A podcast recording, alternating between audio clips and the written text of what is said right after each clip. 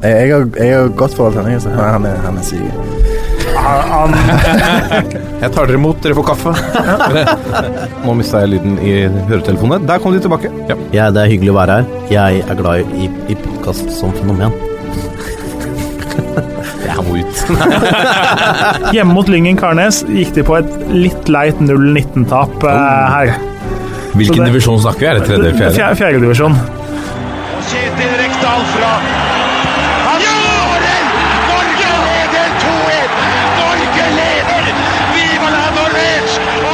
Og der er eh, toppfotball tilbake igjen i for anledningen et gullstudio her hos uh, vårt kjære produksjonsselskap Moderne Media. Uh, vi sitter rundt et rundt bord. Det er riktig så koselig her. Uh, er Riddere av det runde bord. riddere av det runde bord. Der er du, Lasse Wangstein.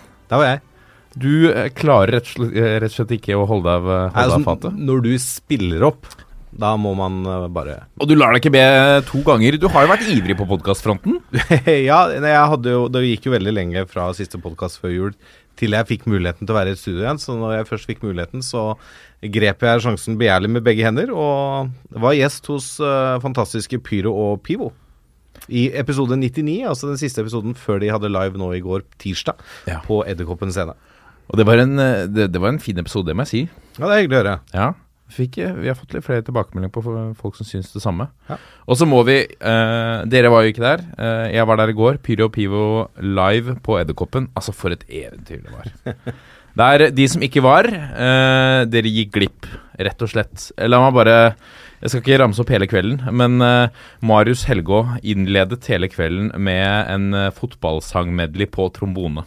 Det er fantastisk. Og da var stemningen satt, og det ble inntatt eh, diverse eh, drikkevarer av ganske høy eh, prosent på, på scenen. Pivo. Um, eh, såkalt pivo. Um, og Gunnar Halle, Trond Andersen eh, eh, Galåsens eh, kompis Trym Hogner leverte en, en fantastisk innsats. Nei, det er verdt å høre på livepoden. Det ligger sikkert ute. Og så blir det sikkert noe live igjen, kanskje på episode 200, da. Ja, ikke sant? Han må, han må kjøre mer av dette, eh, vår gode venn Morten Galaasen. Men nå, eh, Jørgen Kjernås, der er du. Her er jeg. Du er en høflig mann. Du venter til du blir eh, spilt opp. Åh, Så godt oppdratt etter Groruddøler. Eh, Vi eh, veit å oppføre oss. Nydelig. Vi, vi skal jo touche inn på en eh, du, du er jo en sånn type Du er jo en litt annerledes type. Du er en sånn type som gleder deg også. òg. Ja, men, men du er jo Takk. et, et breddefotballeksikon og et fotballeksikon.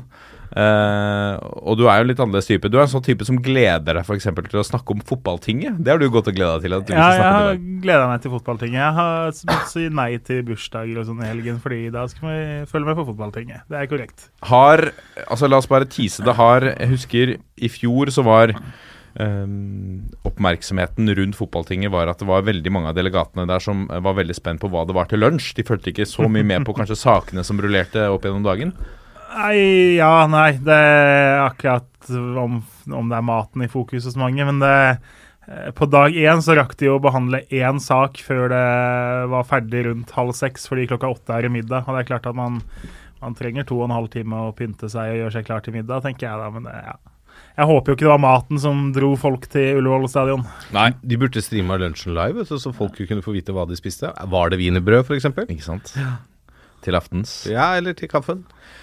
Altså, vi, vi eh, Før vi ruller i gang med en eh, Med denne episoden, så, så vi har fått en pakke. Ja! du, hjem til deg har du fått en pakke av uh, Nordlink86 på Twitter. Vår faste bidragsyter. Vår faste bidragsyter. Årets bidragsyter i 2018, faktisk. Dette er veldig spennende, så den har vi tenkt å åpne nå. Og vi tror jo han er såpass glad i oss. Vi har jo tøyset med hadde vært en vi ikke helt visste hvem var, så kanskje vi ikke hadde turt å åpne den. Det kunne vært en bombe, rett og slett. Det står 'fragile' på den, men uh, okay. vi har også fått et brev Ja. som følger denne pakken. Skal jeg lese det først? Ja, du finner vel ut underveis om det er en god idé eller ikke. Ja, Hvis ikke får vi klippe det bort. Ohoi i studio. Etter min herlige vinst av en toppfotballkopp forrige sesong snakket jeg med en venninne, Brooke, som har begynt et lite hobbyprosjekt hvor hun sier Kan de være prøvekaniner for mitt nye prosjekt? Uten å vite planen hennes sa jeg ja. Hun driver med glasskunst som hobby og prøver å stable et lite firma på plass. Jesus. Så fra oss til dere gutter, som takk for den herlige podden i norsk ball, håper de faller i smak, og kanskje skamløst be om å kunne sitere As seen on toppfotball. Og vi får en nettside opp i gang. vi er en gjeng, og dere, snart er det sesongstart. Kom gjerne også med feedback på prosjektet, og liker dere det, er det lov å spre ordet på huset og til venner. Deres fan Nordlink86, eh, Christian Thuesen. Blir nesten rørt. Blir nesten rørt her. Det er jo veldig er hyggelig. Det er helt uh, Det skal jeg prøve nå å, å forevige live her uh, på Instagram. Vi har altså fått en pakke uh, fra en lytter her. Uh, Foreløpig er ser det ikke ut til å være en bombe, Nei, det hadde jo vært litt men det er fragile. Det er fragile. Og så har vi jo ikke så mye saks i studio her, da. Så er det mye teip og sånn. Det er ikke saks i studio, det er jo en rekke tvilsomme podkaster her. her, så kunne, har så saks. øh, prøvde jo øh, Har Marius og saks? Ja, trombone, det. det er, ja. Jørgen Oi. Flink. Nå har det vært, eh, nå har det vært lenge juleferie. Jørgen prøvde jo å åpne en pakke her rett før vi gikk i studio. Eh, Det gikk jo så der. Så Jeg fikk det til. til slutt Ja. Se her, vet du. Skal vi se. Nå kommer det noe greier her. Hvis det er lov å si. Dette er god radio. Dette er bra podkast. Jeg er veldig, veldig spent, altså. Nei, så, så hang Instagram seg akkurat i det jeg skulle okay. Oi, se her! Oi, oi, oi. Bårdsen. En liten oh, kopp med Viking-logoen Wow. til Bårdsen. Han er jo ikke her, så han den får stå der. Oi, oi, oi. Dette, altså. Hæ? Hva er det der for noe? Hæ? Neste. Ja, neste, skal vi se. Her, se, her ymter en liten Vålerenga-logo. Her står det Lasse. Oi. Og egen eh, nametag òg. Fantastisk. Jøsses. Raust. Dette er raust, ja. Storartet. Ja, veldig. Og Fine òg. Står det Der står det ja, Roppis. Oh. med Ørn Horten. Oh, fantastisk. Det, er- se, se, det, er for et nydelig verk. Se på det. Hæ? Da er det én kopp igjen, da. Nei, er det det? Ja, én kopp igjen. Skal du ta den før jeg mister den? Absolutt. Oi! Den regner jeg med går til uh, Kjernås. Er det en, er det en kaffekopp? Her, vet du. Hånd... 4. februar 1895, Hånef Hønefoss BK. Stilig. Jotjar. Oi, oi, oi. Fantastisk. Med Kommer ikke unna den. Nei, tusen Stilig. takk, Norling. Det var, eh, og Brook, ikke minst, som har eh, produsert uh, koppene. Ja.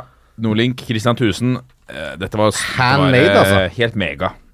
Ja, dette Oppfordrer var flere til å sende inn gaver. Eh, ikke send eksplosiver. Um, Jeg er såpass beskjeden altså, at vi bare oppfordrer lytterne våre til å sende oss send gaver. gaver og mat inn hit. Vi liker giveaways.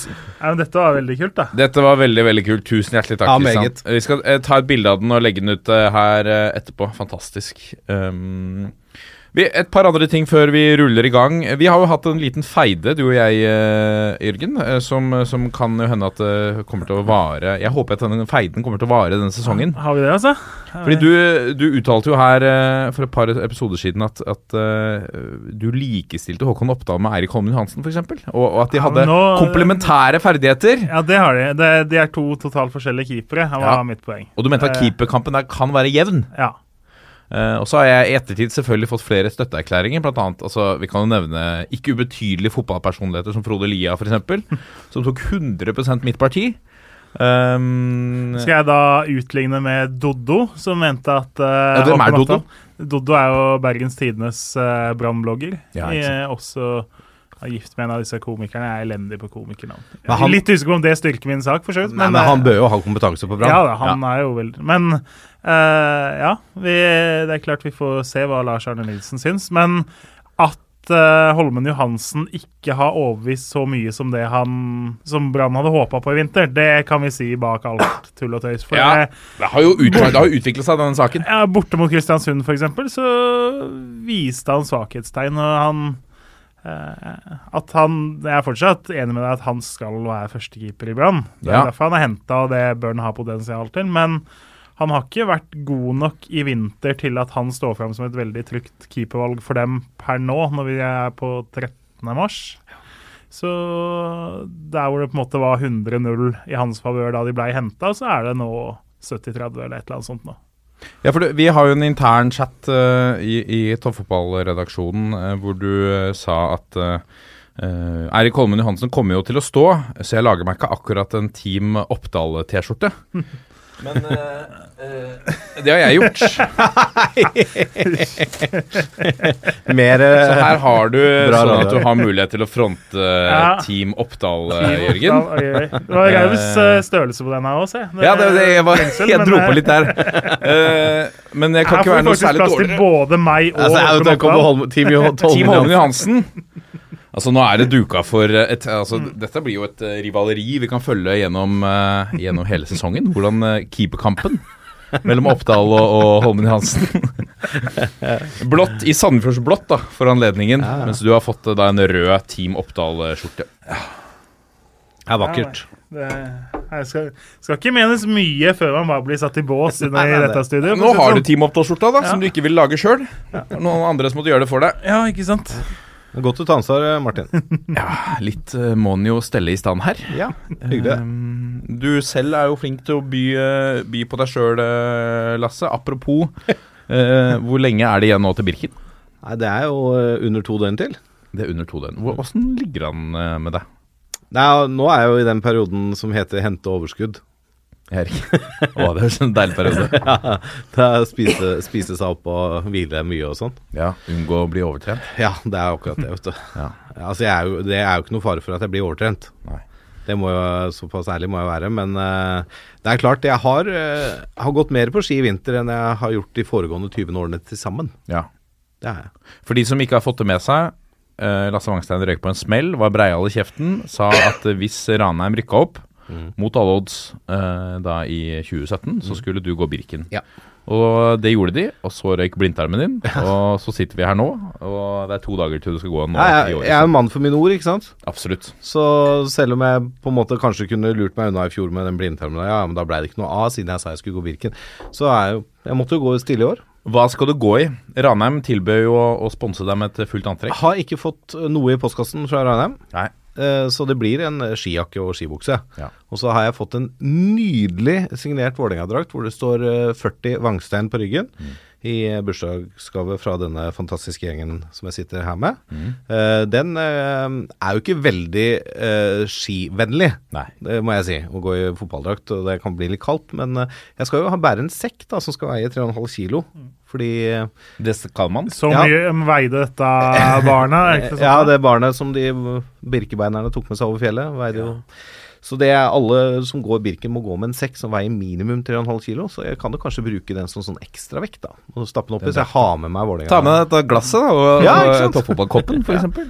Be om å få drikke på drikkestasjonen i toppfotballkoppen. Perfekt fint. Nei, så det er eh, fredag morgen klokken 09.15 har jeg start. Det er i siste pulje på Turbirken, som det heter, på fredag. Og det er for de som forventer å gå over 6,5 timer. Riktig. Men vi hadde han her på 85 pluss Ja. år som var på Han var på 5,24, var han ikke det? Jeg håper det var øh, saktere enn det, altså. Dette må vi sjekke. Det må vi sjekke. øh, jeg har en, øh, har en øh, bekjent som jeg har jobbet sammen med tidligere, som heter Morten. Uh, Colabox på Twitter. Han gikk i fjor på 7,30. Uh, skylder selvfølgelig på forferdelig dårlig føre, for det gikk fra kaldt til Is i og varmt. sånn. Ja, det var, gikk nesten ikke an å skli inn på flata. Og, øh, og, og ikke minst at han hadde brukt mye tid på snapping underveis. Ja. ja, for Det, det, hadde han tatt en halvtime på, mente han. Ja. Så Det er jo litt på sånn, Men Klæbo holdt vel på med samme, nesten, skulle man tenke, oppe i Holmenkollen der. Ja, ikke han, han gikk jo så sakte at det må ha vært noen selfies uh, Ja, ja, ja. inne i bildet Ja, der. altså, nei, men altså Hovedmålet mitt for fredagen eh, er overlevelse. Kan vi følge dette live? For at Du kommer med et forslag om at jeg skulle gå sammen med deg for å liksom eh, kjøre en livepod i løypa. Ja, Som jeg syns var en forferdelig dårlig idé. ja det syns du, Eh, men, eh, og det er greit. Ja. Ja, Det går an å gå inn på eh, Birken sine nettsider Ja. og så følge løpere. Det fins både SMS-tjenester og apper og nettsider. Hvor man kan, og da kommer jeg opp på hver gang jeg passerer en, eh, en sånn tidsmålestasjon, da, altså matstasjonene. Er det foto? Tas det foto? Det blir tatt bilder underveis, men de blir vel ikke lasta opp direkte. tror Jeg Jeg er litt usikker på det. Uh, hadde jeg gått lørdag, så hadde det vært sånn TV Det er litt sånn TV-dekning og sånn for de eliteløperne som nesten er i mål før de bakerste starter. Ja. Eh, men eh, nei, men eh, jeg kan hende jeg skal oppdatere litt grann på Instagram-kontoen min. Mm. Og på toppfotballs Kanskje Insta. det òg. Eller så får du kanskje ta ansvar for å dele det jeg deler, da. Det ordner vi. Ja. Nei, så hovedmål overlevelse. Delmål er å komme i mål uten å bli nappa ut pga. tidsfrist. Ja. Altså type at jeg går til det blir mørkt. Hvor mye veier en hjertestarter? Sånn 3,5 kilo? Kan Ja, det være noe å putte i sekken? Kanskje det hadde vært noe å ha med seg. Ja. Ja, det er kanskje ikke så dumt. Ok, nok, nei, Dette er jo ikke noe skipod, men, Nei, men eh, men sånn går det når vi, når vi Når noen er breiale, Ja. eh, og vi elsker det. Um, vi skal se nærmere på hva vi skal snakke om i denne sendingen. I Pulsen skal vi angripe fotballtinget. Se nærmere på hvilke overganger som har skjedd i Eliteserien siden sist vi snakket om det. Um, det har også skjedd noen spennende overganger litt lenger ned i divisjonene som vi må touche innom. Det er en mesterfinale i, um, i gjerdet nå til helgen mellom Rosenborg og Molde. Ja. Som vi skal touche innom. Så har vi fått en eh, masse gode lyttespørsmål. Um, så her er det nok av snacks i vente. Nå kommer pulsen. Og da er vi kommet til pulsen, og vi begynner pulsen med årets eh, fotballting. Jørgen Kjernås, eh, for der har det eh, Ja, hva har egentlig skjedd? Der har det jo skjedd saker og ting. Hei! Det er jo som så at uh, fotballtinget har jo blitt årlig nå etter at det lenge var annethvert år. Det var jo litt mer spenning når det var annethvert år, for da var det jo fylt opp måte, saker fra, fra to kalenderår da, som du fikk uh, tatt av. Mens nå så er det ikke alle fotballtingene som måtte er like hendelsesfylte. Men det har jo skjedd ganske store omrokeringer i seriesystemet både for kvinner og for menn. Eh, menn har jo hatt sitt store på en måte da vi gikk fra fire til to avdelinger i andredivisjon og da kutta tredjedivisjon og sånn. Nå er det jo damene som har fått eh, total makeover på hele seriesystemet sitt. Eh, og det var jo en ganske lang diskusjon. Det var jo den eneste saken de tok opp på lørdagen. eh, var den saken, og naturlig nok mange som hadde eh, sitt å si. Noen som tenkte på sitt, og mange som tenkte på helt andre ting enn det som egentlig skulle diskuteres. og Eh, ja, det, På et sånt fotballting så er det jo Det er ikke alle som er oppe på talerstolen som nødvendigvis kommer med innspill som er relevante for de som sitter og hører på, da kan vi vel si, Nei. på en diplomatisk måte. Men eh, det ble nå til slutt vedtatt da, at uh, for kvinnene så skal hele seriesystemet omrokeres ganske kraftig. Uh, toppserien så har de jo da kutta til at uh, man går fra tolv lag, sånn som det er per nå, til at fra neste sesong så er det ti lag i toppserien. Så det vil jo si at det er flere som rykker ned i den overgangssesongen som er nå. Og så skal da også førstedivisjon uh, kuttes til ti lag.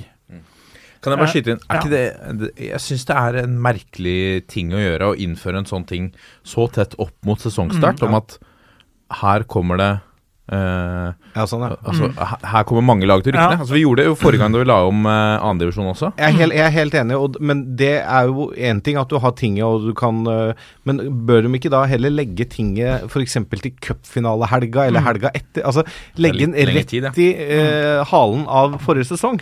For da får du hele vinteren til å forberede deg. Nå legger du ting i mars, og da er det tre uker til eliteseriestart. Det er Eh, altfor tett på, vet du. Ja.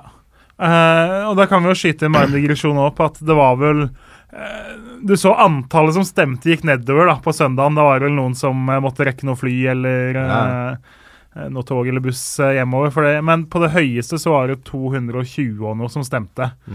Eh, siste tallet jeg mener jeg har sett, er at det er noe sånn som 1780 forskjellige klubber i Norge.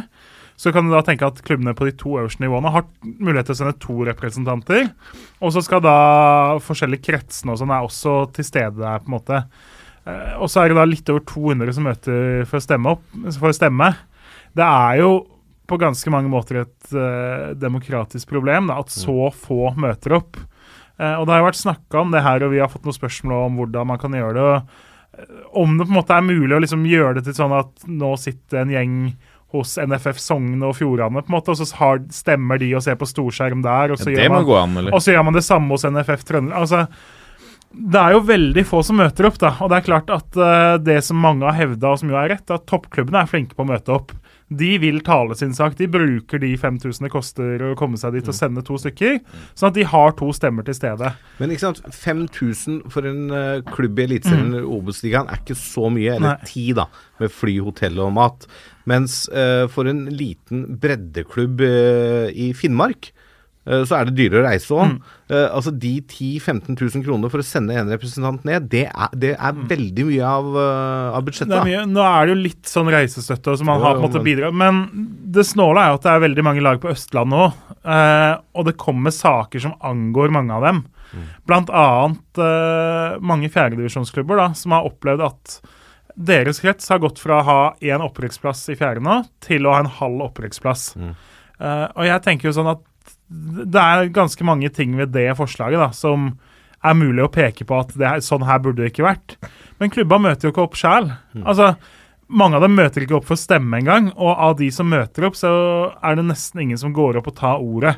Så er det noen som har sagt at ja, folk har bestemt seg på forhånd, så det har ikke noe å si om du går opp og taler din. Men altså, hvis du ikke er der, og ta, da har du på en måte deg selv å takke. da. Det er litt sånn samme som stemmer du ikke ved stortingsvalget, så kan på en måte ikke sutre for mye på den regjeringa vi har heller, da. Og så er det så klart Jeg skjønner ikke sant, Laga i Finnmark er det verre, men laga som da har 15 minutt biltur til uh, Ullevål stadion og ikke kommer, og det er saker som da i høyeste grad angår dem, da bør du ikke være ute og sutre når du har skjønt konsekvensene, i hvert fall. Men jeg syns det er et kjempegodt uh, innspill, ja, at man kan sitte rundt i de ulike gamle kretsene. da. Ja, nå har jo jeg fordelen at jeg, har ikke peiling på det her er gjennomførbart både sånn Nei, nei. lovmessig og teknisk. Men altså nå, Vi ser det hvert år. da Det er rundt 200, hakket over 200 som møter opp. Det er liksom 10-15 Det bør jo være mulig i 2019 eller 2020 som det blir neste år, da, å finne en teknisk løsning hvor man får en unik kode man logger seg inn på, som man kan stemme via.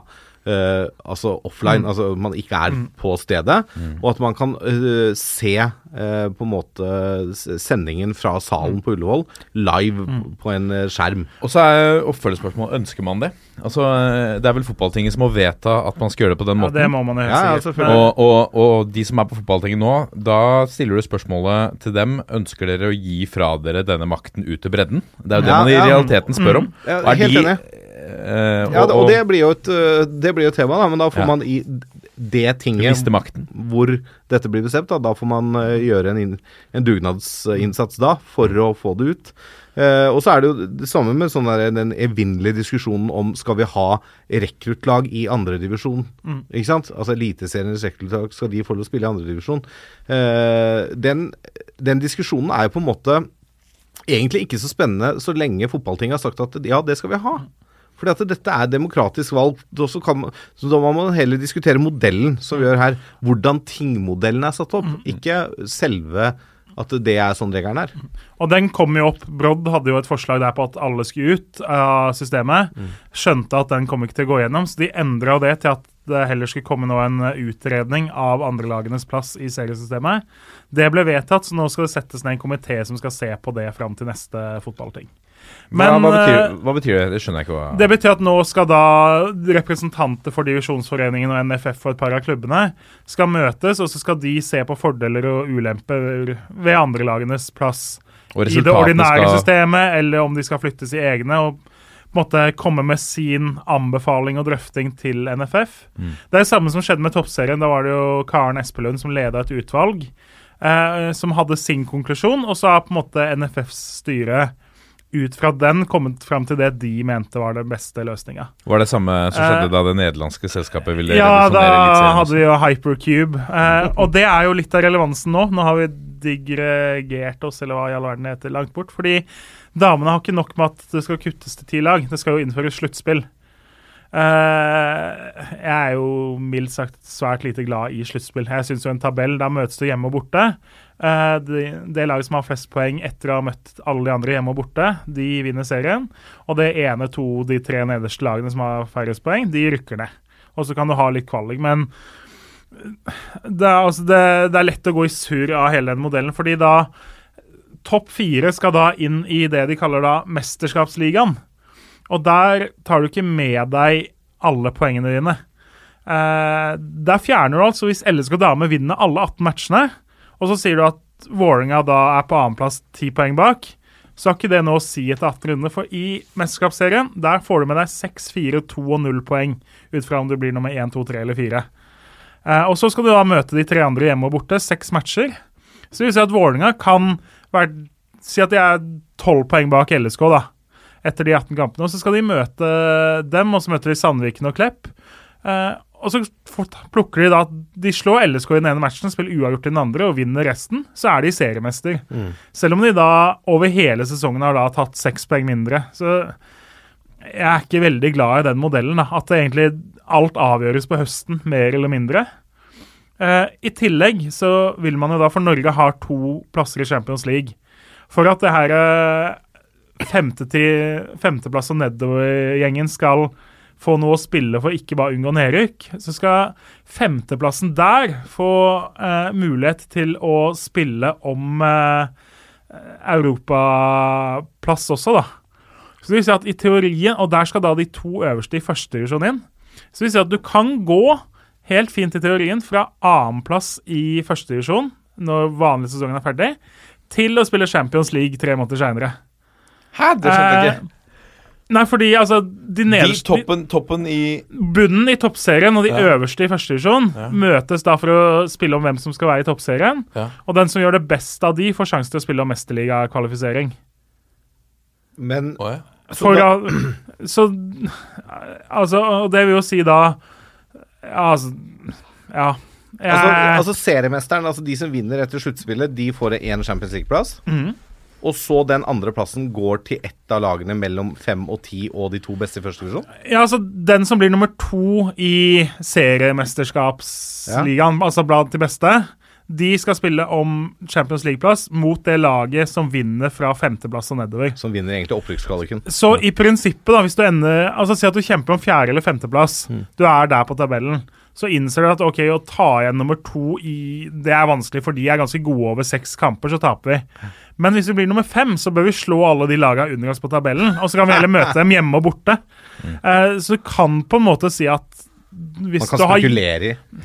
på mange måter da, så er, kan femteplassen eller sjetteplassen være bedre enn uh, fjerdeplassen. Uh, Det er helt sjukt. Ja, og det blir jo litt sånn hadde, I Danmark så hadde vi jo, der er det jo også sånn forskjellig som skal spille Europaliga, kvall og ditt og datt. Da hadde vi jo den hvor det var et lag som jubla veldig fordi de slapp inn. Da kom de i en lettere gruppe i siste del av sesongen.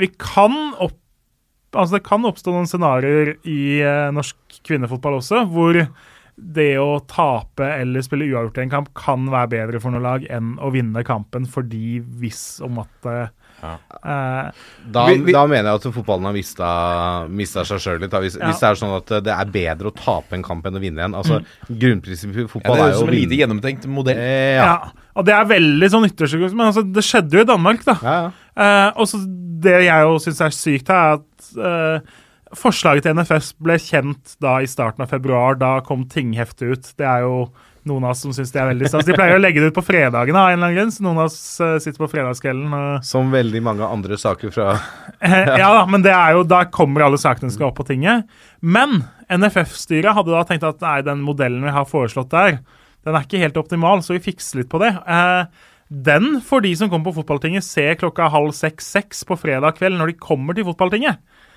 Eh, så liksom, nå skal vi endre om på hele seriesystemet. Eh, svær ting. For klubba betyr det masse. Men det forslaget vi skal stemme på, det får dere se liksom idet dere kommer hit etter å ha flydd hit etter en full arbeidsuke. Eh, får ikke snakka med styret hjemme i klubben eller spillerne om hva de syns om det og sånn, fordi det forslaget, endringsforslaget kom da eh, Fikk de se fredag kveld, sånn jeg skjønte de fleste. Var det noen uh, andre Jeg sitter jo alltid og håper at vi skal innføre amerikanske straffer. Hockeystraffer. Nei, det var lite sånn. I- Det Eh, kom ikke opp. men vi har jo Hva vi har, med Skankes uh, gamle forslag om uh, straff, straffkonkurranse? Nei, ingen som har tatt opp Tom Skanke sin Synd, altså. Eh, det er jo noen klubber som er mer oppe på den talerstolen enn andre, og som ikke nødvendig som, Når man sitter hjemme i stua og streamer, så lærte man seg etter hvert når man kunne gå på kjøkkenet eller på do, for å si det sånn, da, hvis det går an å si det sånn. Går det an å Eh, nevne hvilke klubber det var? Nei, jeg tenker vi får la ingen nevnt, ingen glemt, osv. Men uh, Landsdel? Uh, Eh? Både. Eh, men fjerdedivisjon har jo blitt totalendra. Eller, eh, der går man jo nå fra 24 opprykksplasser til 18 allerede denne sesongen. Eh, og det er jo for de som vi har snakka om her, og som enkelte av oss ivrer veldig for. Fire nedrykksplasser i tredjedivisjon har vært for mye. Det måtte man endre. Eh, nå har man fått over det til tre, men konsekvensen er jo da at i eh, tredje divisjon, nei, i fjerde divisjon så er det da seks opprykksplasser færre. Eh, det betyr bl.a. at Østfold og Vestfold skal nå dele på én opprykksplass istedenfor å ha én hver. Eh, og der er jo nå avdelingene er satt og terminlister er lagt, og du kan på en måte ikke slå sammen to avdelinger nå i midten av mars. Så konsekvensen der blir at vinneren av fjerdedivisjon Østfold møter vinneren av fjerdedivisjon Vestfold i kvalik i høst.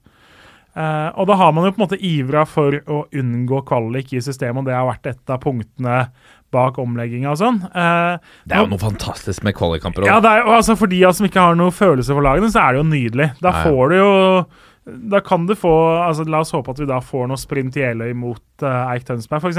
Det er jo to lag med historikk og litt eh, klang. Det kan fort bli Sandefjord 2, Fredrikstad 2, for den saks skyld. Men eh, det er jo samme da. Indre eh, Østland, altså Hedmark og, Busk nei, Hedmark og Oppland, de har fått gått fra to til én.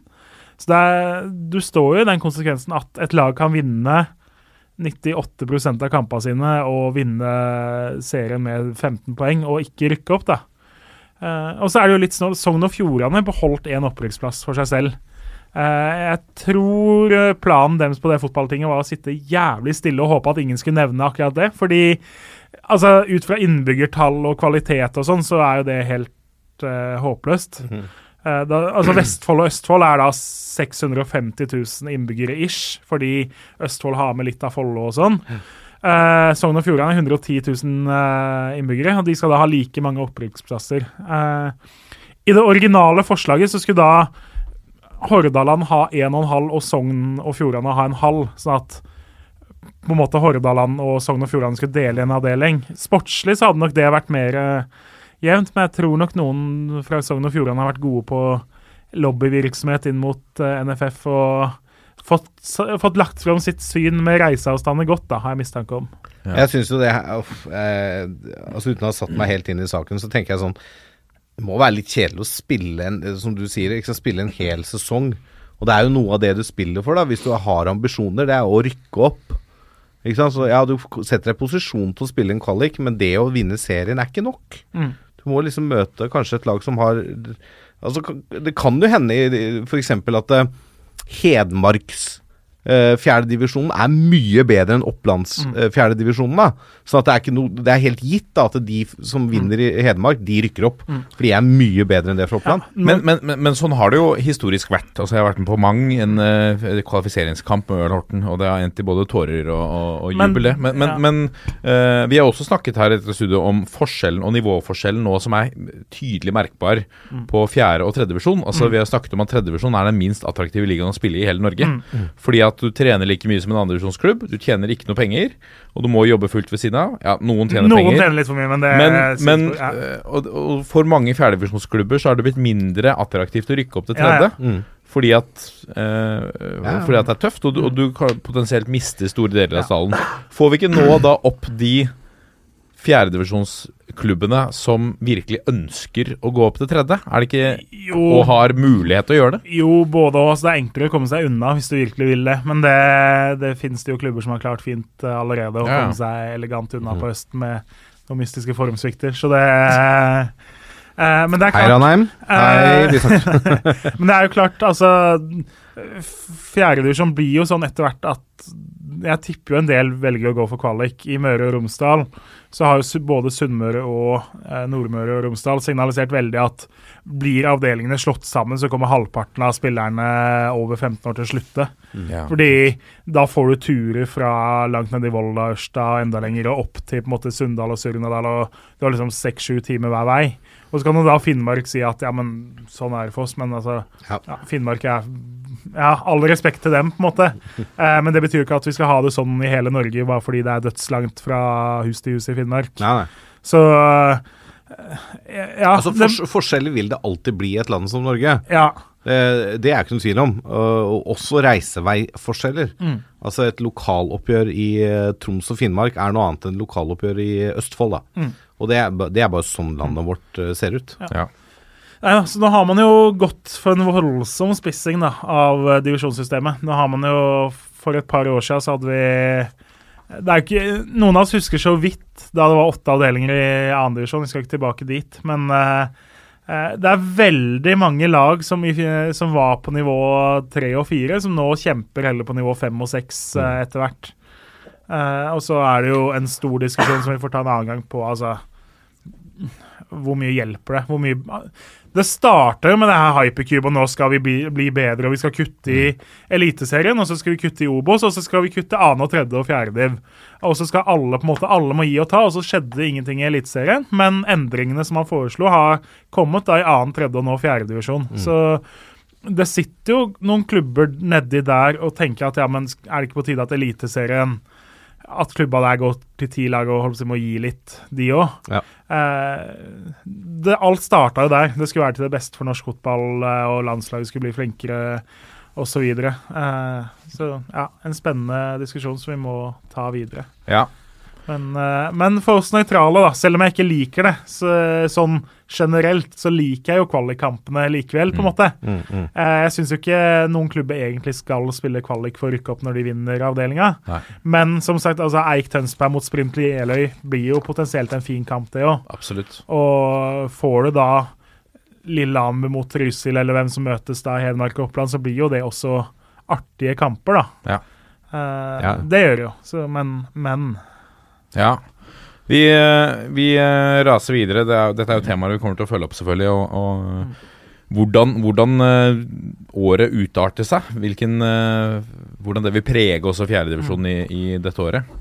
Um, noe mer fra fotballtinget før vi skal rusle videre, Jørgen? Nei, vi, det var jo interessant at denne dualmodellen ble, på en måte fikk sitt ja. Det ble sagt nei til at AS-er skal få lov til å ta lisensen og spille i Eliteserien.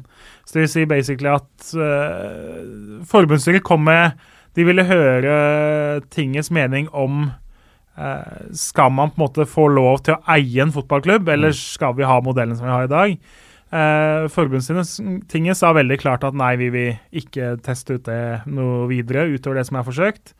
Så det betyr jo bl.a. at Start, som jo har eiere som ønsker mer makt, og som har ønska seg å eie klubben, ikke bare være en sånn samarbeidende AS, de får ikke lov til det, sånn som eh, fotballtinget bestemte nå. Det har jo gått noen rykter også om at eh, det er noen eh, kinesere som er svært interessert i, i Stabæk, f.eks.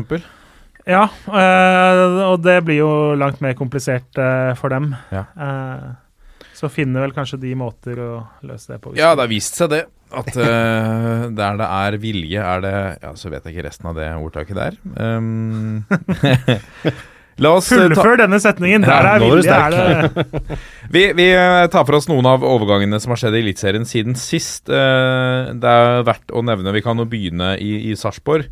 Eh, som Sarpsborg 08 har uh, prøvd å finne uh, gull igjen. Og nå har de sett til Mali og hentet eh, 18 år gamle Bobakar Conte, som har vært ettertraktet i flere store klubber, Jørgen. Nå valgte han Ja. Østfold. Han valgte Østfold, debuterte i dag i 5-0-seieren mot Kongsvinger på Sarpsborg stadion. Uh, Sarpsborg har jo gått ut med veldig høye ord og selv sammenligna han med Krepin Diata. Mm. Så det er ikke noe sånn medieskapt, det er faktisk de selv som har dratt de linjene. Vet du noe om spillertypen? Hva slags eh, Ja, altså? Han kom inn og spilte eh, en form for hengende spiss, da. Jeg så jo at det var en kvikk spiller som likte å ha ball i bein, men det var vel Sånn jeg skjønte, så var det andre gang han var på et kunstgress. Første gangen var Ja. i går, ja. da han signerte og trente med laget. Så det har jo sitt å si. Han bergtok ikke eh, streamen fra Sarpsborg sånn ekstremt, men at det er klart de har jo sett han masse. og det blir spennende å følge, men jeg, han kommer vel til å bli mye innbytter, få noen korte innhopp i starten, sånn som Diatta også gjorde. Ja. Eh, og så er det Han har jo da en CV. Han har vært god i masse sånne juniorlandskampturneringer i Afrika, og har vært ettertrakta. Så for Sarpsborg er det jo Uansett hvor god han blir, nesten en seier da, at faktisk de er så attraktive at et så stort talent velger dem. da. Det er klart, altså, Du blir jo mer attraktiv ved at du lykkes med andre altså, Det er jo sånn norsk fotball er. Altså, du er en attraktiv klubb hvis du viser at du klarer å selge spillere til større ligaer. Eh, og så er jo Sarpsborg gjør veldig mye bra, og de skal ha veldig mye skryt for det, men de henter jo også veldig veldig mange spillere.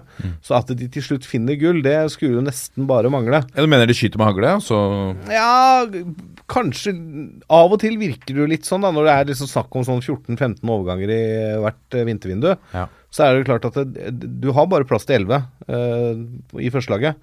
Da er det ikke gitt at alle de treffer. Og det har jo også vært tilfeller hvor de har henta en spiller og leid den ut med en gang, og så Nei, vet du, hva, han var ikke bra nok, og så har han øh, forsvunnet videre, på en måte. Så, øh, men, men det her virker jo veldig spennende, og nå går jo de veldig høyt ut om denne spilleren. ja. det, det har jo vært andre signeringer i vinter tror jeg, hvor de har øh, fått et sånt Ja, det, altså Hausa spilleren øh, medieskapt, og så har Sarpsborg prøvd å holde det igjen. Så det er Ja. sikkert litt på spillertype og personlighet og sånne ting på spilleren òg, sikkert. Conte sa jo, eh, 18-åringen sa jo nettopp det du sier, at, at eh, han har sett Han ville gjøre det samme som Krepin Diata. Være i, i Sarpsborg, spille seg god, bli attraktiv. Ja, ja. Og, og jeg tenker at spesielt etter at de har markert seg i Europaligaen Det er et eh, det er et eh, lag som, som kanskje blir lagt merke til også utover i Ja, Europa. Og man, har, man ser Det går sikkert lovord eh, lenger utover Norges grenser av, av hvor flinke Sarpsborg er til å få fram talenter. Men, Ja, ja. men med det sagt, vi, vi har jo hyllet eh, de her. Vi har Thomas Berntsen her og hørt om metoden osv. Er det en side av dette som ikke blir belyst godt nok? Du nevner jo at man henter inn i eh, Hopetall? I hopetall.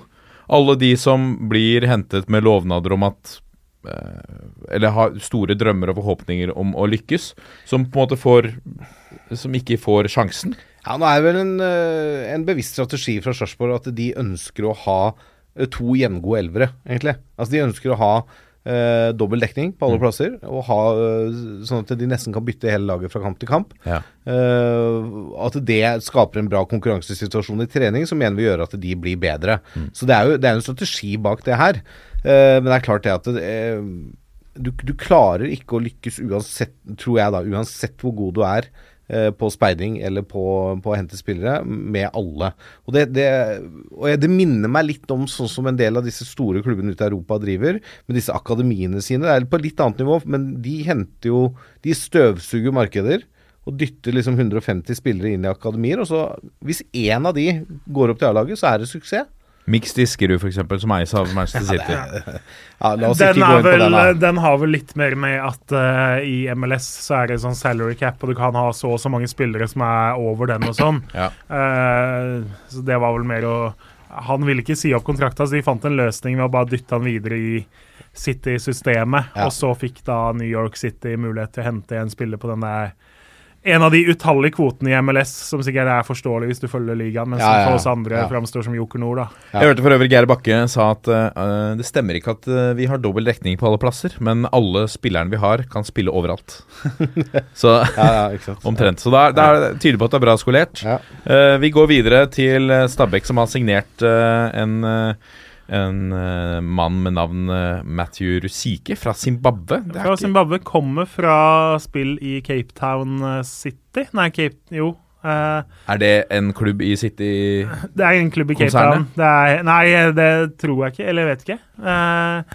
Har spilt i Halmstad før. Er jo da en spillertype Jeg har ikke sett han, men han var på prøvespill her da i januar, vel. Eh, beskrives da som en spiss som god, Godt oppspillspunkt, god feilvendt. Eh, litt annen type enn eh, kanskje det de har. Eh, og så er det jo lett å trekke slutningene om at det er for å være i forkant når Ohi kanskje forsvinner til Molde, sånn som det er interesse for eh, i Romsdal. Eh, Thomas Amang fikk sjansen i går mot LSK i LSK-hallen. Eh, har jo vært på vei vekk, fikk ikke visum vel i Kina, og fikk da en sjanse i går uten å, uten å vise at det er en plass han fortjener. Så Molde har jo fortsatt penger etter Haaland, kan vel cashe inn potensielt litt på Solskjær. Ja, ikke sant. De har vel allerede casha inn litt der, bare Han på litt, kan få få enda større jackpot. Mm. Så jeg tror jo ikke det er Det er vel ingen som blir sjokkert hvis OI ender opp i Molde i løpet av eh, mars, da.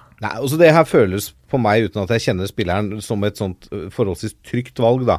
Han er litt oppe i åra, har, har en del erfaring. Har vært i Sverige, som er ganske likt Norge. Han har sikkert spilt noen kamper på kunstgress før. ikke sant? Eh, eh, kjenner litt til klima og sånne ting.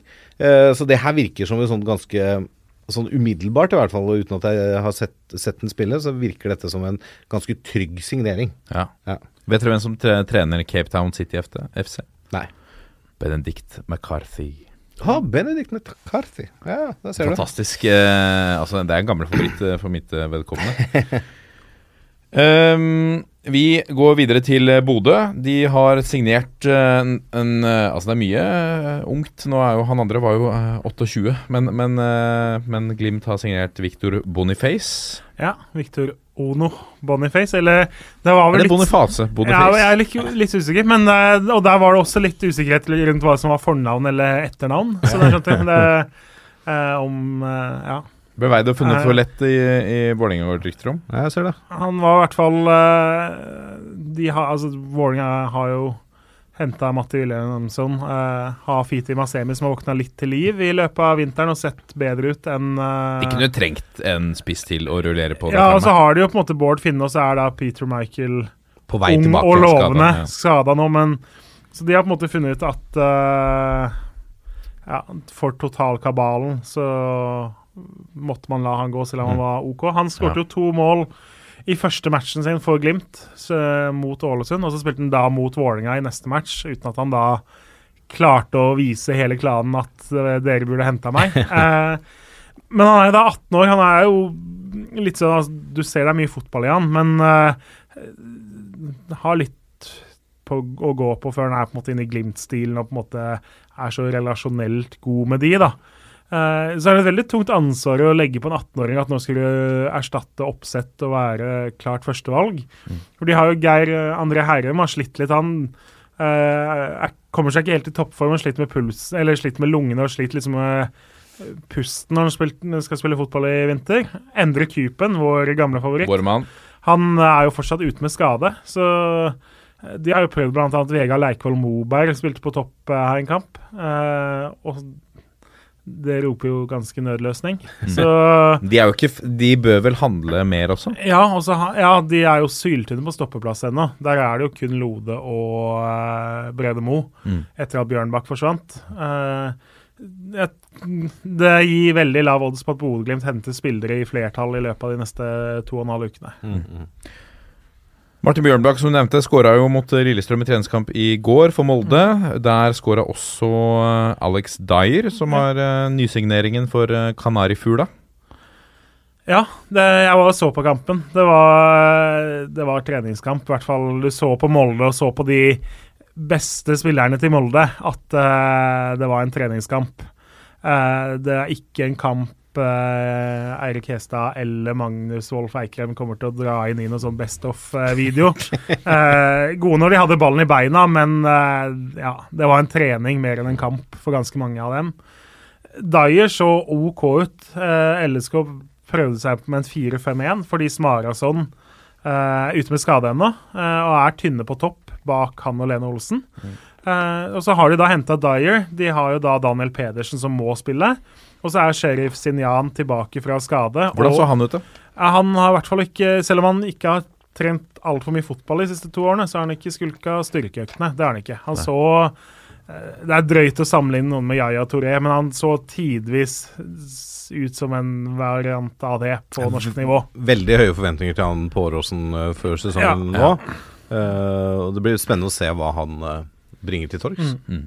Ja, altså han, øh, han hadde De gangene han kom på løp og tima de riktig og det, Han har noe ved seg som det er veldig lett å like som spiller. Det har han definitivt. Eh, og så må de også finne ut om han Akkurat nå så er han kanskje et tredjevalg på sentral midtbane og et tredjevalg på stoppeplass, da. Så, eh, men at det blir spilletid på han i løpet av sesongen, det gjør det.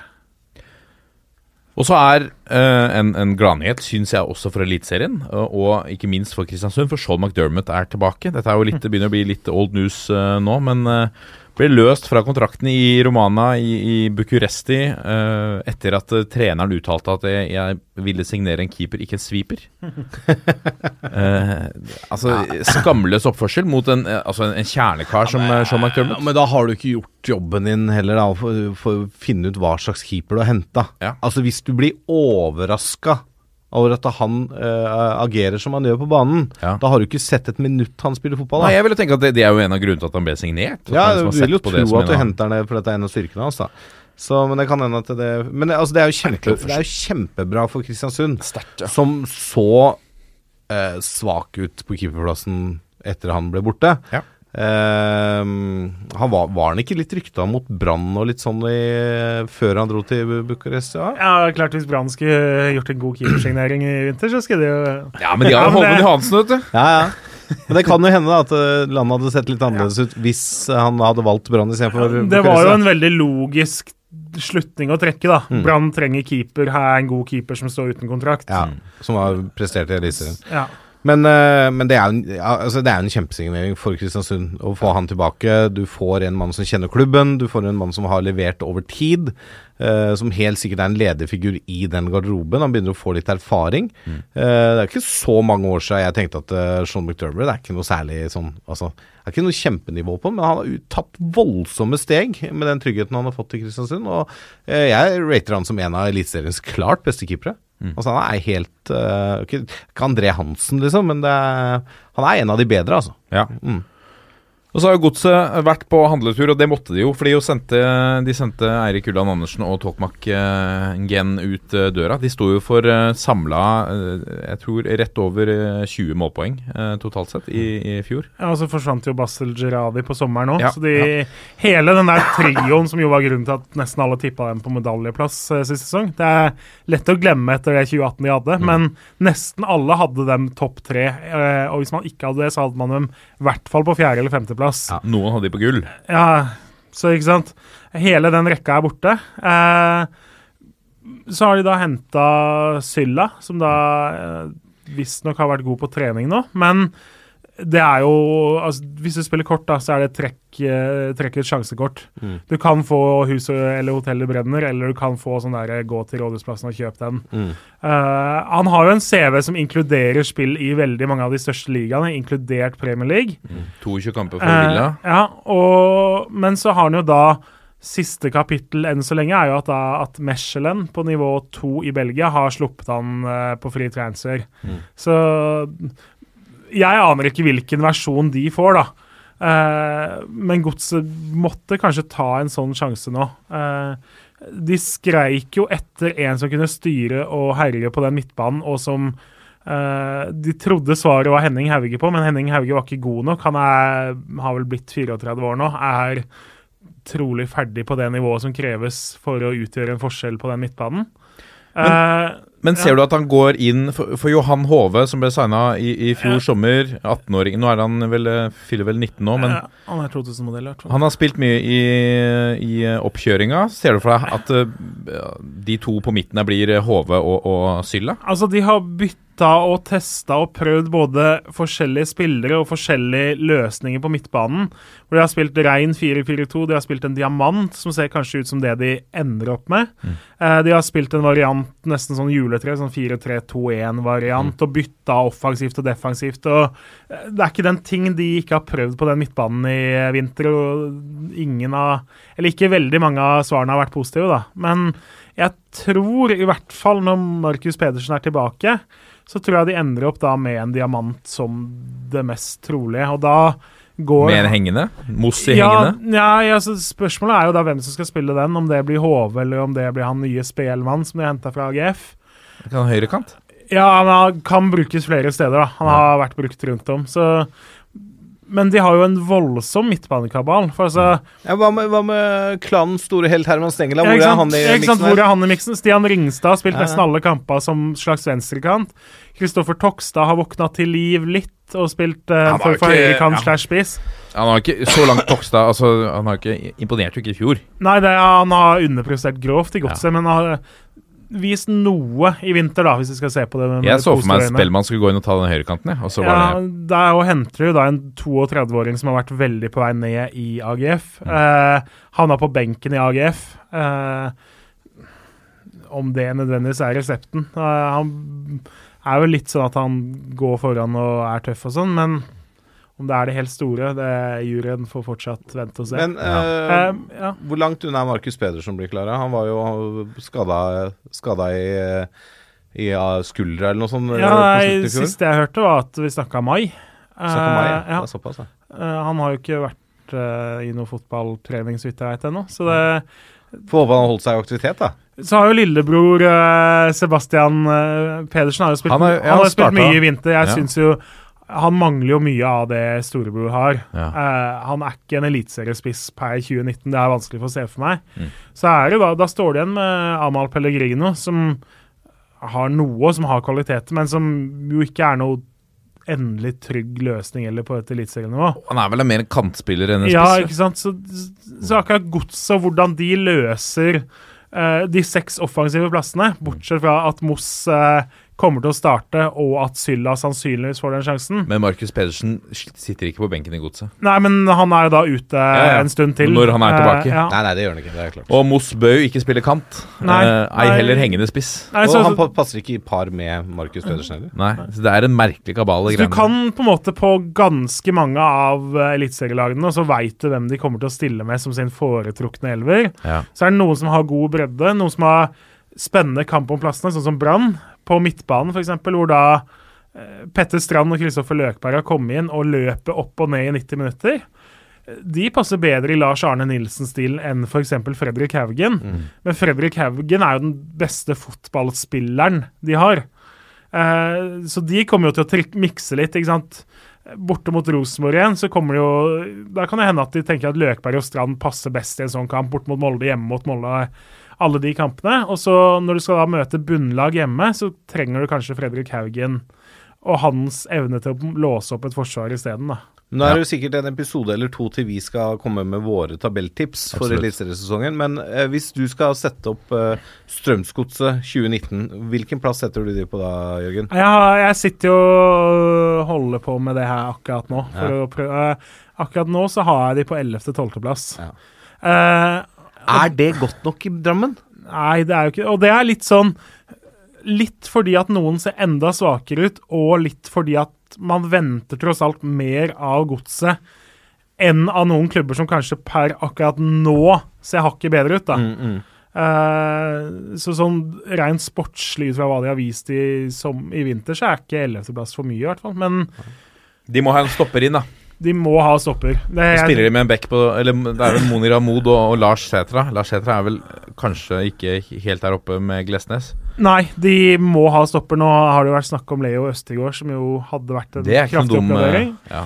Uh, og så har de jo Klart, nå har de henta Villa Myra på, stopp, nei, på keeperplass. Takket ikke Viking nei til Leo Østegård nå tilbake? Nja, det har vel vært litt mer sånn at da han ble linka til godset, så ringte jo avisa og spurte Viking hei, skal ikke dere ha han? Og så eh, var ikke Bjarne Berntsen eh, sånn at han tok bølgen for akkurat det nå. Eh, selv om Viking òg har eh, Vi har litt å si om dem når vi skal på tabell òg. De, Der har de jo stått hardt på at keeperne de rykka opp med, skal eh, være keeper i Eliteserien nå. Det Jeg hadde sovna litt utrygt hvis jeg var Viking-fan eh, og hatt de burvokterne tilgjengelige. Ja. Vi må, eh, vi må rase videre. Uh, la oss ta med noen overganger her på tampen, eh, Jørgen. Er det noe du kan melde som du har uh, bitt deg merke i fra lavere divisjoner? Vi har jo vår mann Henrik Udal, f.eks. Ja, Årets der- dag. Så vidt jeg vet, så kommer han kanskje Vi spiller inn onsdag i dag. I løpet av kvelden eller i løpet av en dag eller to til å signere hva for Åsane. Eh, da går han jo opp til andredivisjon. Et lag som rykka ned fra Obos-ligaen, og som trenger spiss. Eh, så det er jo et fornuftig steg for en som vi kåra til dag. Han har vært på prøvespill et par andre steder også i vinter. Eh, og klart andredivisjon da er fort fornuftig å ta den istedenfor å gå rett opp i Obos, hvor kampen er tøffere og det er lett å havne på benken isteden. Blir spennende å se hvem som blir årets Rudal da. Ja. Det begynner vi jo med så fort, eh, så fort serien er i gang. Så fort ballen ruller, Ja, ikke sant? Ja. Kort om mesterfinalen, da, gutter. Er det, er det en kamp som dere har uh, merka dere i kalenderen? Kommer dere til å sitte benka? Ja, altså jeg kommer helt sikkert til å ta en titt. Uh, det gjør jeg. For det er, det er jo på, på en måte starten på den norske, uh, norske sesongen. Eh, og så er det jo en, eh, et trofé å spille om, og så spørs det jo hvor mye disse klubbene legger i det, da, Molde og Rosenborg. Men eh, begge de klubbene er jo klubber som har lyst til å vinne når det betyr noe. Det, eh, altså Rosenborg vant jo mesterfinalen i fjor eh, mot eh, Lillestrøm.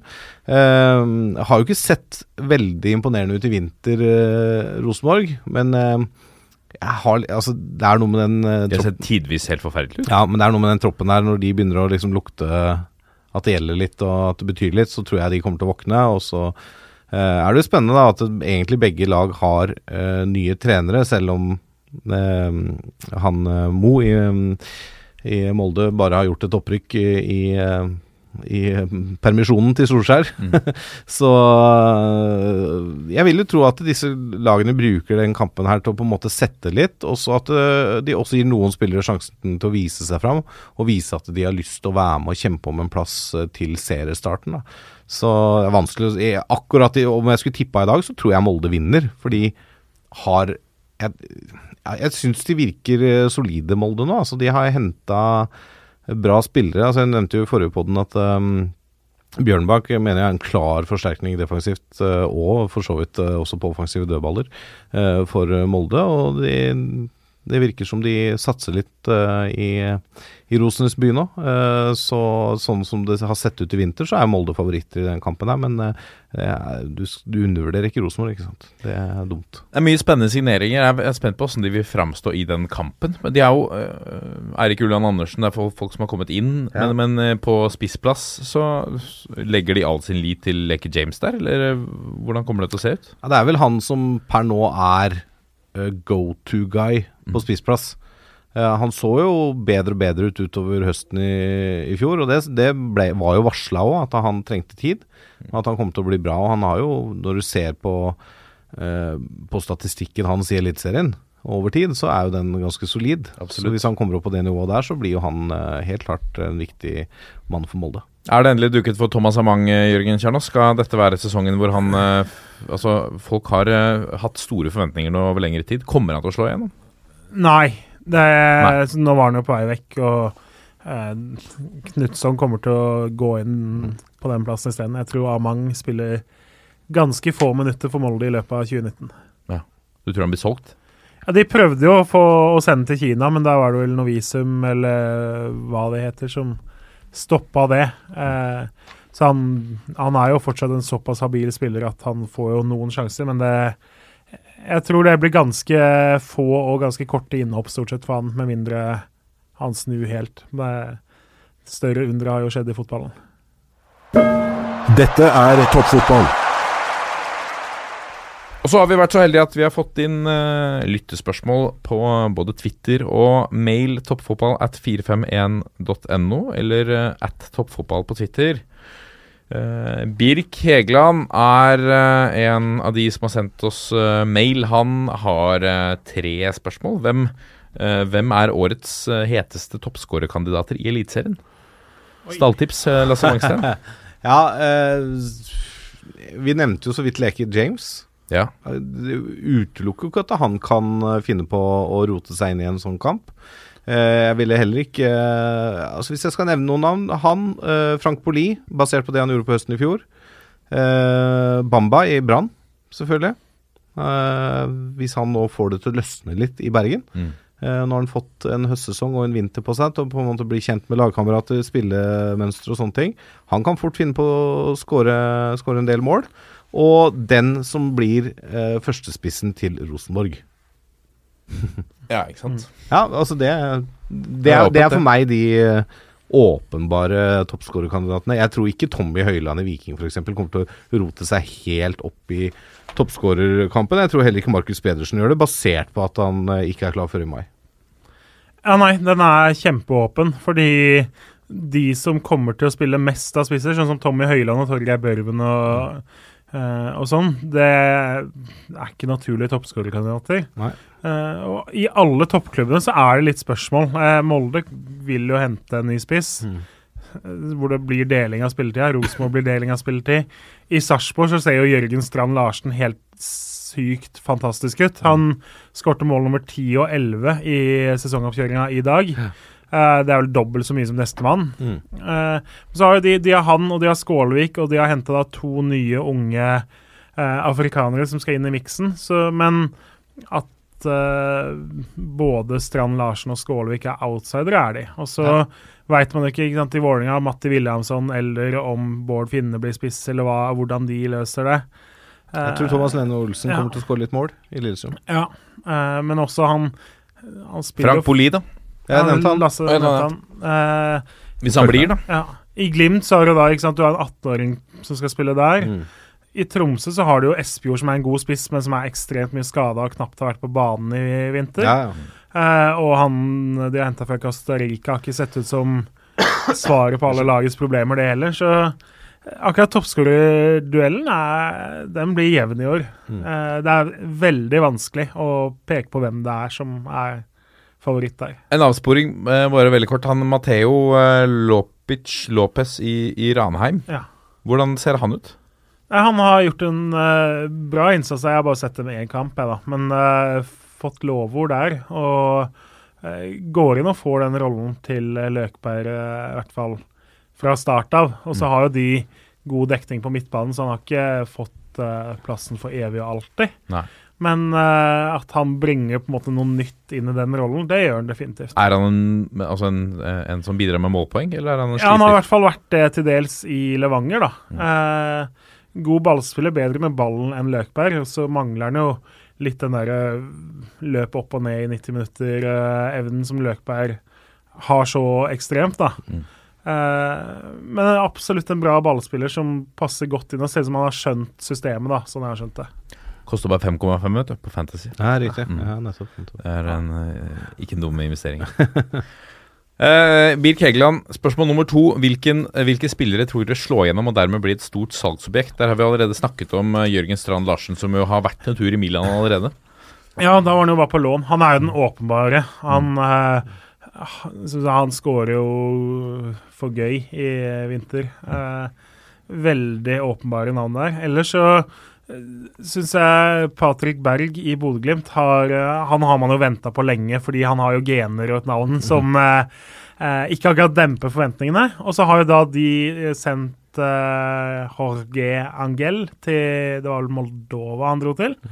Eh, så Berg har fått den dype rollen og har løst den glimrende i vinter. Og kaller han på Han er ikke noen spiller som da blir nye Zakariassen i form av at liksom han regner med å selge han fem, for 15 millioner, men han kommer til å kunne få sitt gjennombrudd, det er jeg ganske sikker på.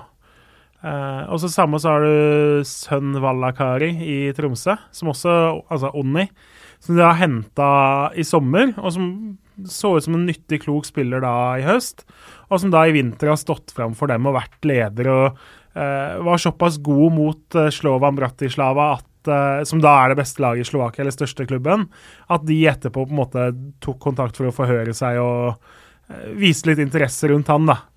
Eh, og han òg har jo da en far som har spilt i Premier League og har masse landskamper, så uh, genene er tydeligvis i orden hos begge de to. Hva med bort på Valle der? Shidi eh, Juke har uh, mønstra en hengende spissrolle, i hvert fall i en del treningskamper jeg har sett. Han Ja. høsta litt lovord for det. Ja, han har jo det. Fri Frirolle? Ja, er litt Altså, han er jo fortsatt veldig ustabil. Ja. Det kan jo være fra det helt briljante til å være sånn at du sitter og klør deg i huet og lurer på hvorfor er han på banen. Eh, så han må bli mye mer stabil i prestasjonene sine eh, og valgene sine. Jeg syns han av og til gjør en del dårlige valg. Mm. det er ikke noe tvil om at eh, det er et potensial der. Jeg håper at uh, Deila-gjengen klarer å få, få lirka det mer fram i lyset enn de eh, enn hvor mange ganger man så det i fjor, da. Ja. Eh, men det er helt klart at sånne typer spillere med ekstremferdigheter vil alltid være interessante for større klubber. Men om det er han som blir det største salgsobjektet og det, store gjennombruddet i år, det er jeg usikker på. Ja. Der har vi i hvert fall noen gode kandidater. Så skal vi følge dette tett. Eh, Siste spørsmål fra Birk er eh, Det er fint med sånne konkrete spørsmål. Han, fint da. han spør eh, hvilken trener får fyken først. Eh, eh, blir det Ronny Deila ved en dårlig start og middelhavsfarer til sommeren? Ja, Deila, kontrakten går ut eh, denne sesongen. Ja, den gjør det, så det er jo billigere å løse den ut hvis eh, det blir aktuelt. Eh, jeg vet ikke, for å være helt ærlig, hvem som Hvem får fyken først. Ikke sant? Du, hvis du begynner å gå gjennom da det virker som ikke sant? Dag Eilif Fagermo sitter trygt i, i Skien. Ja. Nesten uansett hva som skjer. Ja. Jeg er faktisk litt usikker på standingen til BP i godset. Ja, han har høy standing i klubben, og det var liksom Det var han de ville ha da de skifta i, i sommer. Eh, men det, det fløyt jo ikke veldig godt etter han kom inn heller. De trodde jo at nå skulle alt snu, at de skulle få en sånn kjempehøst. Jeg er litt usikker på hvor mye tålmodighet godset har med BP hvis det blir en sånn 11.-12.-plass som uh, Jørgen spår, da. Eh, så kanskje han er en kandidat. Deila er sikkert også i faresonen. Hvis ikke, for nå har han jo han har jo gått ut ganske tydelig og sagt at i år skal Vålerenga være med å kjempe om medaljer. Altså Det vil jo si sånn topp fire-fem, da. Det spørs jo litt hvor langt bak du er og sånn. Og hvis du er veldig langt bak til sommeren, så kan det hende at Vålerenga velger å gjøre noe. Jeg har to eh, Kan jeg melde mine to uh, stalltips? Ja. Bodø-Glimt. Kjetil Knutsen. Er det ikke bare kaos oppe i nord der? Eh, de har ikke fått, eh, fått på plass eh, alt som skal til i stallen. Eh, det har vært eh, interne konflikter. Eh, og og Bjarne Madsen i Viking. ja, jeg tror det. For at det, tror jeg, uansett hvor mye du forteller de supporterne i Stavanger at nå har vi Dette er ikke god gamle Viking, det er lite penger, det er tid å bygge opp igjen. Jeg tror ikke den tålmodigheten fins i, i Stavanger. Så med en gang det begynner å butte der, så kan jeg fint se for meg at de blir sånn ukritisk Hva skal jeg si Begynner å, å, å kaste litt kritikk på den ene og den andre, og da er det fort gjort at Bjarne Manchen eh, får den, kanskje litt ufortjent. Ja, det kan godt hende. Hva tenker du, Jørgen?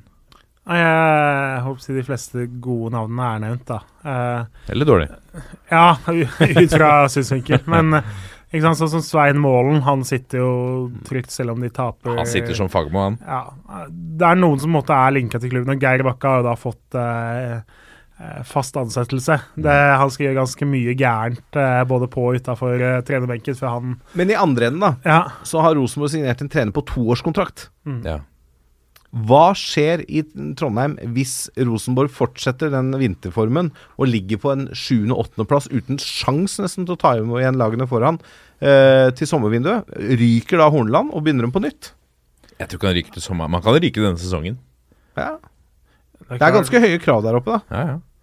Med fare for å være helt uh, boring kalle, så vil de jo ikke det. Men uh, Nei, nei. at han uh, at han ved dårlige resultater Boring kaller eh, Løken. Sjekk det ut på Twitter. Ja. Helt fantastisk.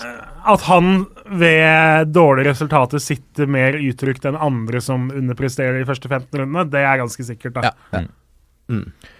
Ja, vi går videre på lyttespørsmålene. La oss ta uh, spørsmål fra vår gode venn 30 understreker Christian, som, uh, um, som syns at det er lite fokus på, på norsk fotball i, i media nå. Det skrives mye om fotball, men det skrives mye om Solskjær. Solskjær-tabellen og det ene med det andre. Uh, og det er mest eh, fokus på fantasy hva gjelder Eliteserien. Det er ikke så mye Ja. el fokus ellers på, på hva som skjer i norsk ball. Nei, da kan jeg anbefale en podkast som heter Pyro Pivo, uh, episode 99. Ja, ikke sant? For der snakka vi litt grann om det, Mediefokuset. mediefokuset. Men det er klart um, For det var der du var med, ikke sant? Det var det, det er helt riktig. Så for å være litt sånn uh, beskjeden her. Nei, Absolutt. men eh, for, eh, det vi var litt innom der, er jo eh, sånn som den vinteren her, da. Eh, altså Mediehusene uh, skalerer ned. De har færre ressurser å spille på for å skrive saker.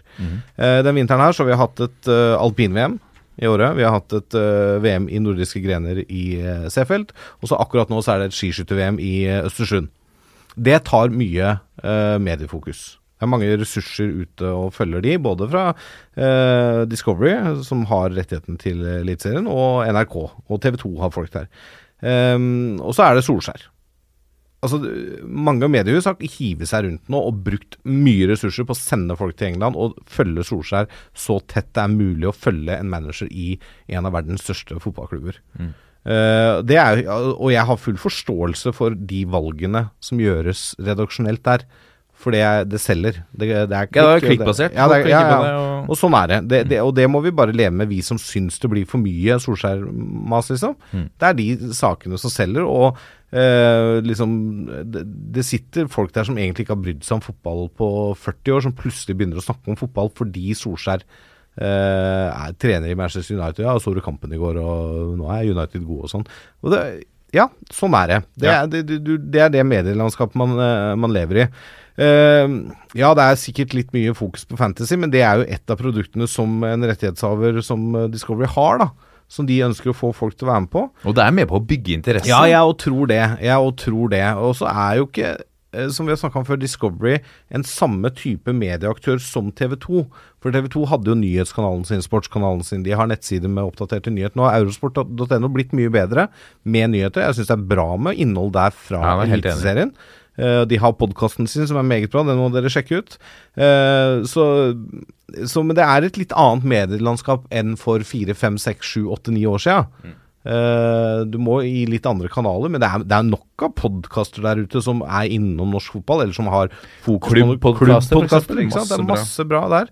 Eh, så det, det blir et litt annen type fokus, men fokuset er der. Ja. Og så får vi bare håpe nå som sesongen uh, ruller i gang, da, at det, vi får de uh, sakene i media som på en måte er med å løfte interessen sånn at det kommer litt flere folk på stadion, at det er litt flere ser på TV, og at det, det blir nok interesse rundt Eliteserien igjen. Men det, ja, det er ikke gjort en håndvending. Nei, absolutt ikke.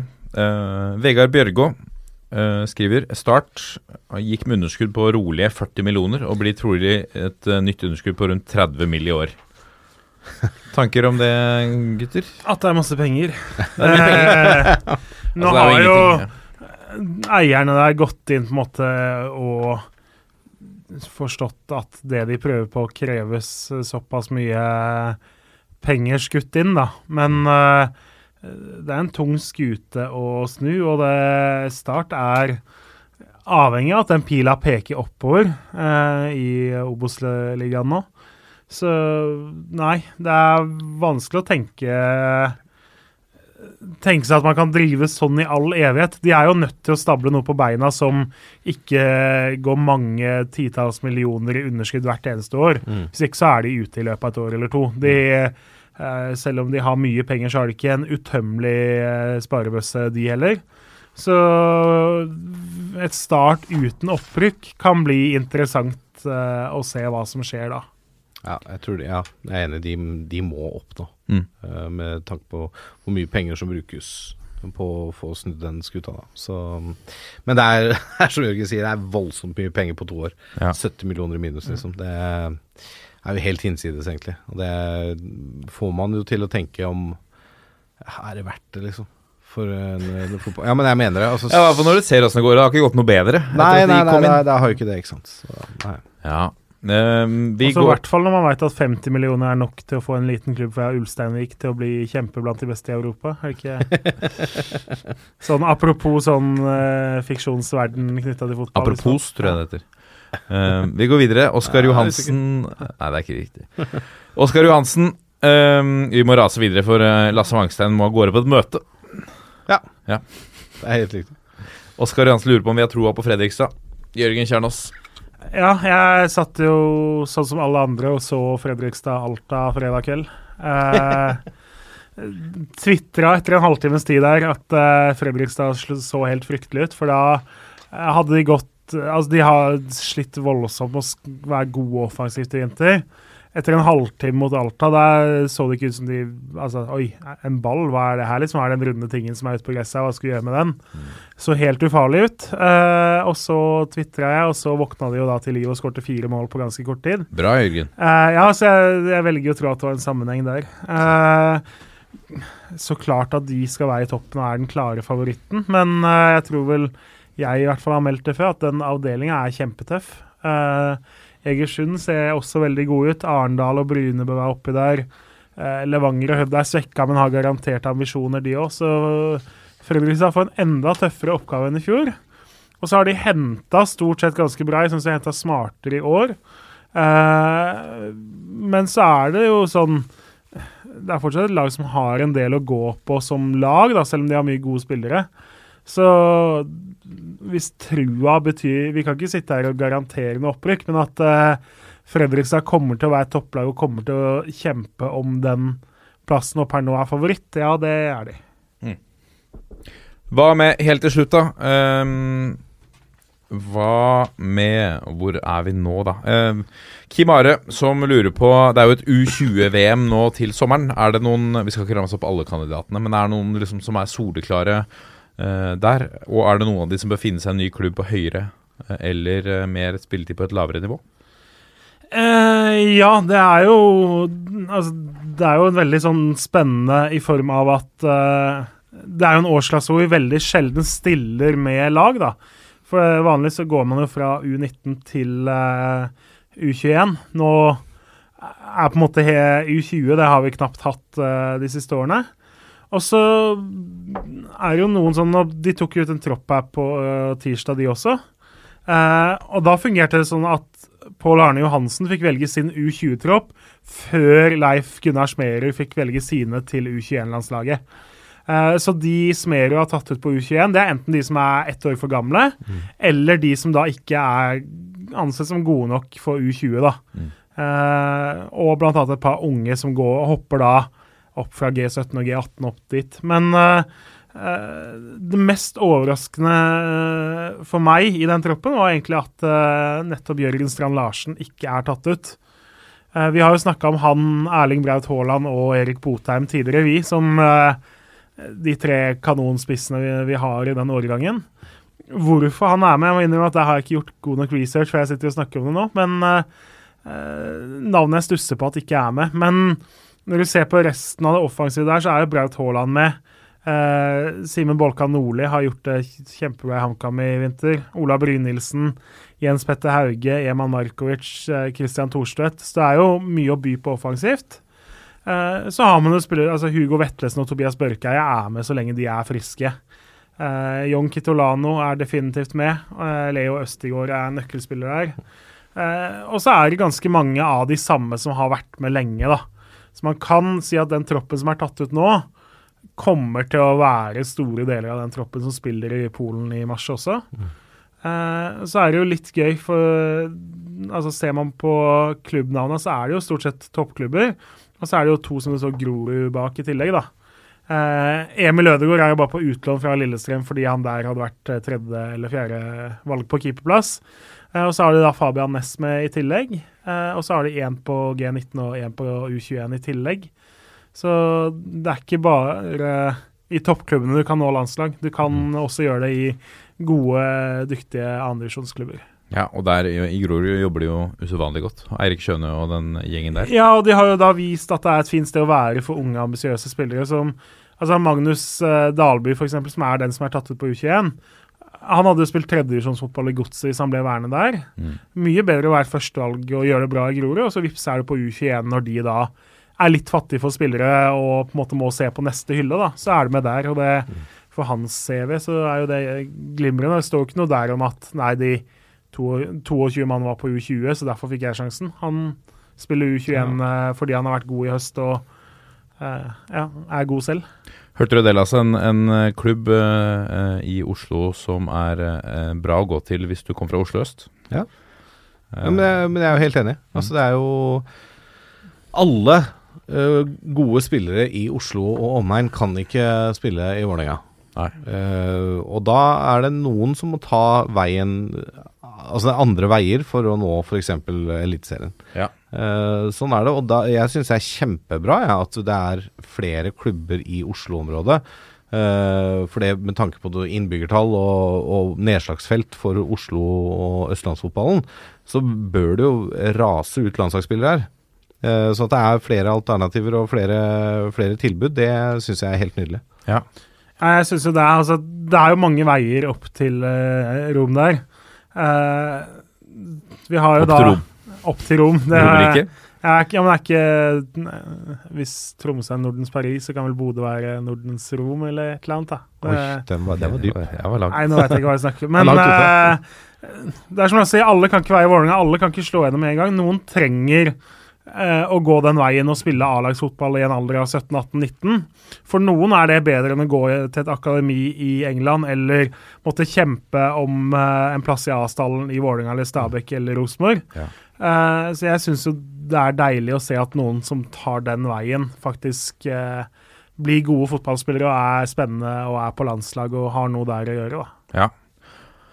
Kunne ikke vært mer eh, enig. Vi må runde av der. Vi skal snakke mer om, om landslaget og landslagstroppen eh, når vi nærmer oss eh, kampene mot Spania og Sverige.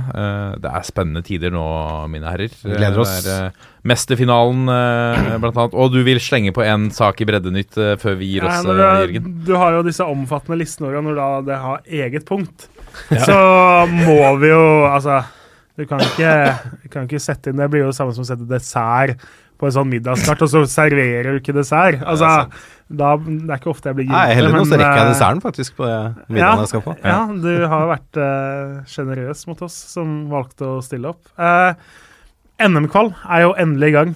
Uh, første tellende seniorkamp for eh, året ble jo da spilt eh, i Bardu Storehall. Bardufoss Storehall siste eh, uke. Eh, Bardufoss møtte Landsås. Kampen gikk til ekstraomganger. Eh, dommeren valgte da å spille to ganger fem minutter med ekstraomganger.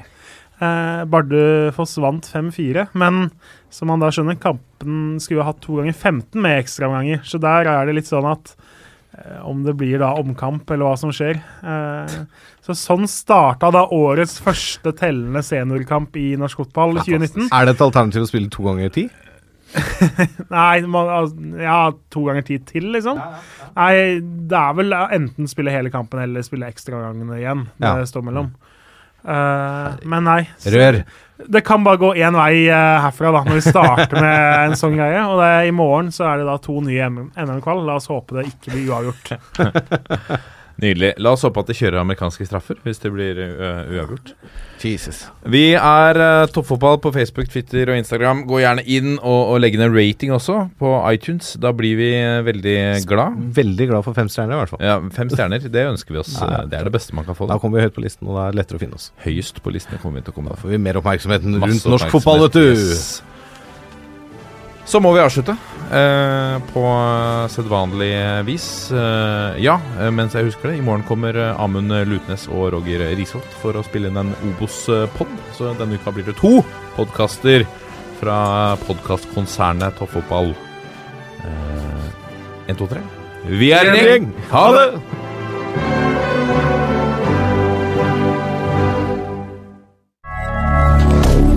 Moderne media.